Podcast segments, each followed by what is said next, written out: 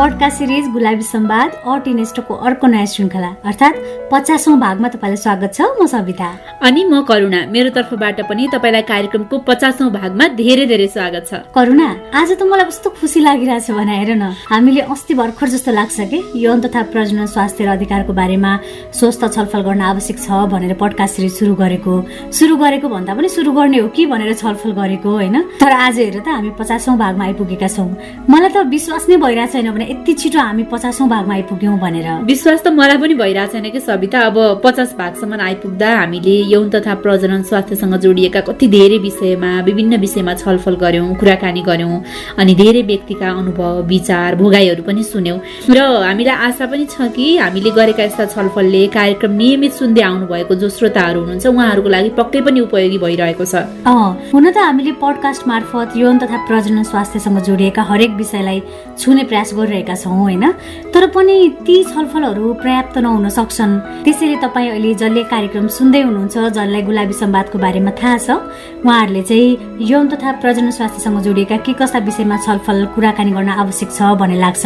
त्यसको बारेमा हामीलाई जानकारी गराउनु होला हामी कार्यक्रमको आगामी श्रृङ्खलाहरूमा चाहिँ तपाईँले सजेस्ट गर्नुभएका तपाईँले भन्नुभएका विषयलाई नै समेट्नेछौँ। पक्कै पनि। र सविता तिमीले यसो भनिरहँदा नि हामीले कार्यक्रममा आजसम्म छलफल नगरेको एउटा एकदमै महत्वपूर्ण विषय छ कि? वैवाहिक बलात्कार अर्थात् हामीले त्यसलाई म्यारिटल रेप पनि भन्ने गर्छौँ। बरु आज त्यही विषयमा नै कुराकानी गर्ने हो कि त? हुन्छ नि करुणा किन नआउनु मलाई पनि यो विषयमा चाहिँ कुराकानी गर्न पाए हुन्थ्यो भन्ने लागिरहेको थियो कि? अब झन् मङ्सिर महिना पनि सुरु भयो होइन? बिहेको महिना भनेर पनि हामीले मङ्सिरलाई चिन्ने गर्छौँ। त्यसैले यो विषयमा कुरा गर्नु चाहिँ एकदमै आवश्यक छ जस्तो लाग्छ। कतिपयलाई चाहिँ म्यारिटल रेप वैवाहिक बलात्कार हुन्छ भन्ने पनि थाहा छैन नि त। त्यो भएर आज मजाले छलफल गरौँ न त। हो नि सविता अब कतिजनालाई त यसको बारेमा थाहा होला सुन्नु भएको बुझ्नु भएको पनि होला। वैवाहिक बलात्कार भनेको चाहिँ के हो भनेर।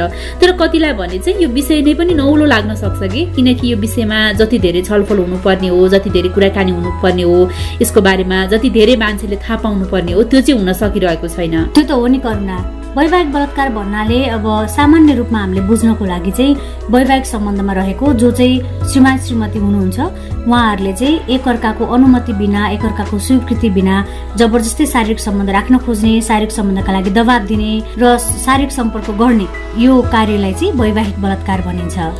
अब कतिजनालाई लाग्न सक्छ कि विवाह गरेपछि श्रीमान श्रीमती बिच हुने शारीरिक सम्बन्ध पनि कसरी अमर्यादित हुन्छ र कसरी त्यो बलात्कार हुन्छ र भनेर? तर श्रीमान श्रीमतीको बिचमा हुने सम्बन्धमा पनि यदि एकअर्काको चाहिँ सहमति छैन एकअर्कालाई चाहिँ गर्न मन नहुँदा नहुँदै त्यो शारीरिक सम्पर्क गरिएको छ जबरजस्ती सम्बन्ध चाहिँ कायम गर्न खोजिएको छ भने त्यसलाई अमर्यादित मानिन्छ र यो नै वैवाहिक बलात्कार हो।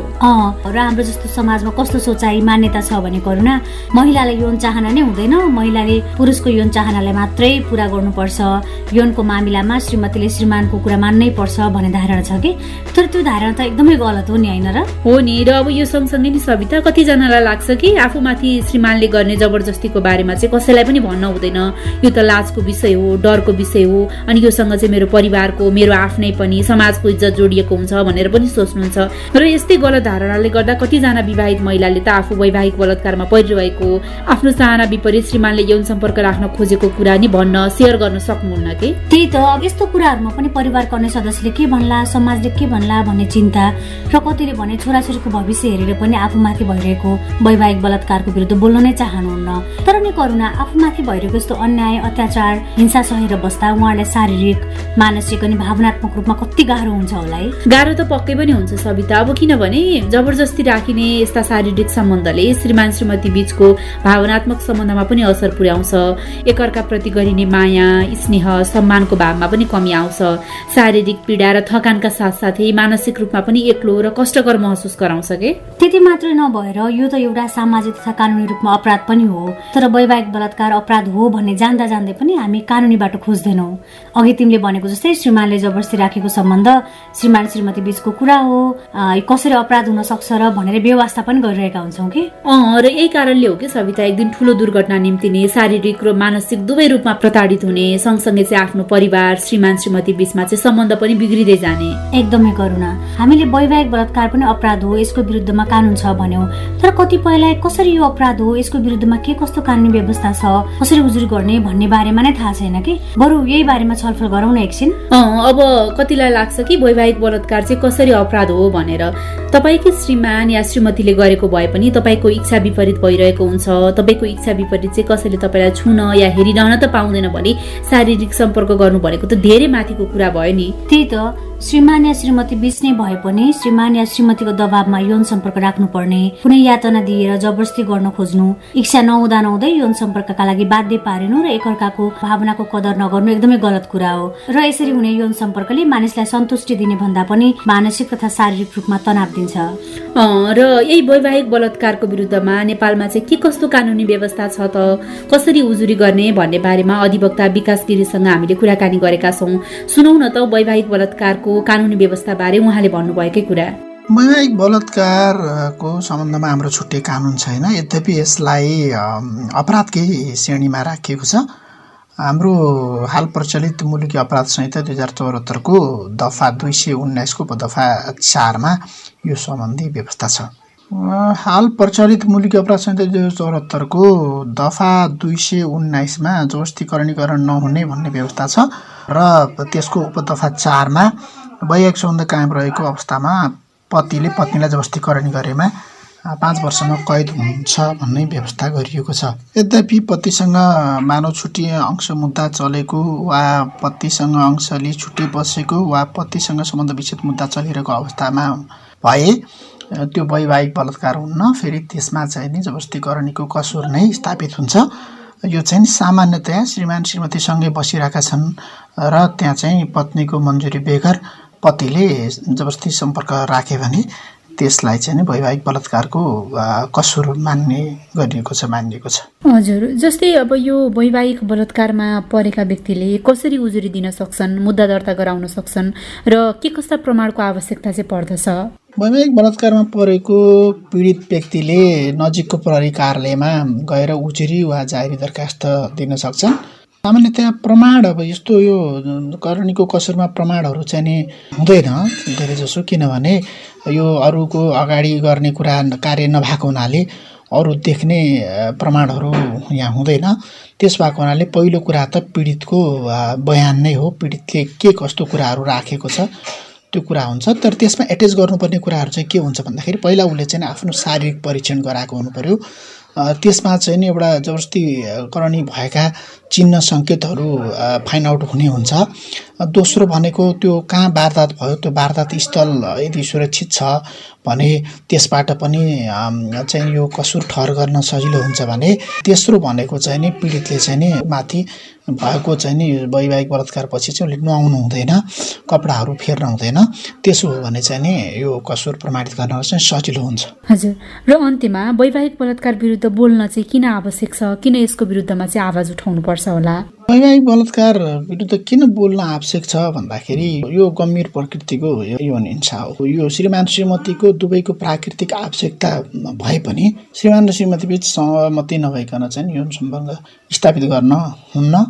अर्को कुरा कतिपय पुरुषहरूलाई चाहिँ नि यौन रोगहरू लागिरहेको हुनसक्छ। वा चाहिँ नि उसको हिंस्रक व्यवहारले चाहिँ नि महिलालाई चाहिँ नि एउटा मानसिक चिन्ता थप्न सक्छ। अर्कोतर्फ एउटा चाहिँ नि मानसिक र शारीरिक दुवै प्रक्रिया भएको भएको हुनाले र त्यसले चाहिँ एउटा आनन्द प्राप्त गर्ने बाटो हुनुपर्नेमा त्यसले पीडा थप्यो भने अभियसली त्यो त्यो कुरा राम्रो भएन। त्यसो हुँदाखेरि त कोही पनि पीडितले चाहिँ बोल्न आवश्यक हुन्छ। किनभने एउटा मात्रै मान्छेले अन्यायका विरुद्ध बोल्यो भने त्यसले सिङ्गै समाजलाई चाहिँ नि अन्याय विरुद्ध बोल्ने उत्प्रेरणा दिन्छ। त्यसो भएको हुनाले पनि बोल्न आवश्यक छ। हरेक मान्छे आफ्नो अधिकारहरूप्रति चाहिँ नि सचेत हुने नै हुन्छन्। हुनुपर्छ र झन् यो अधिकारप्रति चाहिँ एउटा महिला चाहिँ सचेत हुनुपर्छ। त्यसमा सचेत हुनु हो भने उहाँमाथि चाहिँ हिंसा हुने सम्भावना कम हुन्छ। वैवाहिक बलात्कारको कानुनी व्यवस्था र उजुरी प्रक्रियाको बारेमा जानकारी गराइदिनु भएकोमा अधिवक्ता विकास गिरीलाई धेरै धेरै धन्यवाद। उहाँले भन्नुभए जस्तै वैवाहिक बलात्कार चाहिँ कानुनी अपराध हो। वैवाहिक बलात्कार भएमा पीडकलाई पाँच वर्षसम्म जेल सजाय हुन्छ। त्यसैले आफूमाथि त्यस्तो हिंसा भइरहेको छ भने चुप लागेर सहेर चाहिँ बस्दै नबसौँ। पक्कै पनि परिवार समाज आदिको इज्जत जान्छ भनेर अरूले आफूलाई के भन्ला भनेर वैवाहिक बलात्कार भोगिरहनु भएको छ भने पनि सहेर नबस्नु। आफूले भोगिरहेको अत्याचारको विरुद्ध कानुनी कदम लिन चाहिँ पछि नपर्नु होला नै भन्छौँ।